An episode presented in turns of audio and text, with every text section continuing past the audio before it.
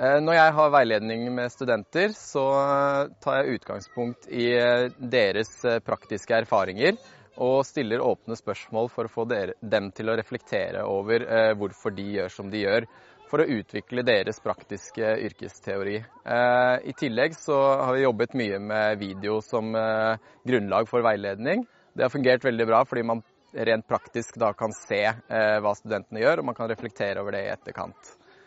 Man må passe på at de blir trygge.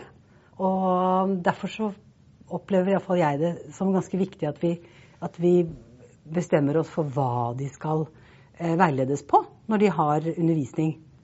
De leverer inn et veiledningsskjema i forkant.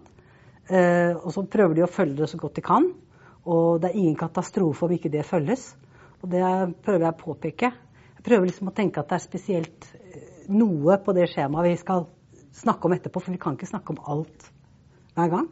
Så da snakker vi f.eks. om oppstarten av timen, vi snakker om kroppsspråket til studenten, vi kan snakke om kontakt med elevene.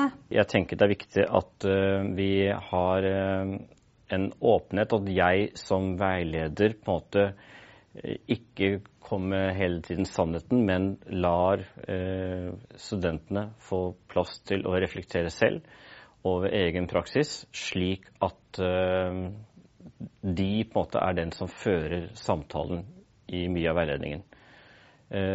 Det er ulike måter å gjennomføre veiledning på. Og det er både i, både i gruppesamtaler, enesamtaler, men også i både i forkant og etterkant av undervisningsøkter.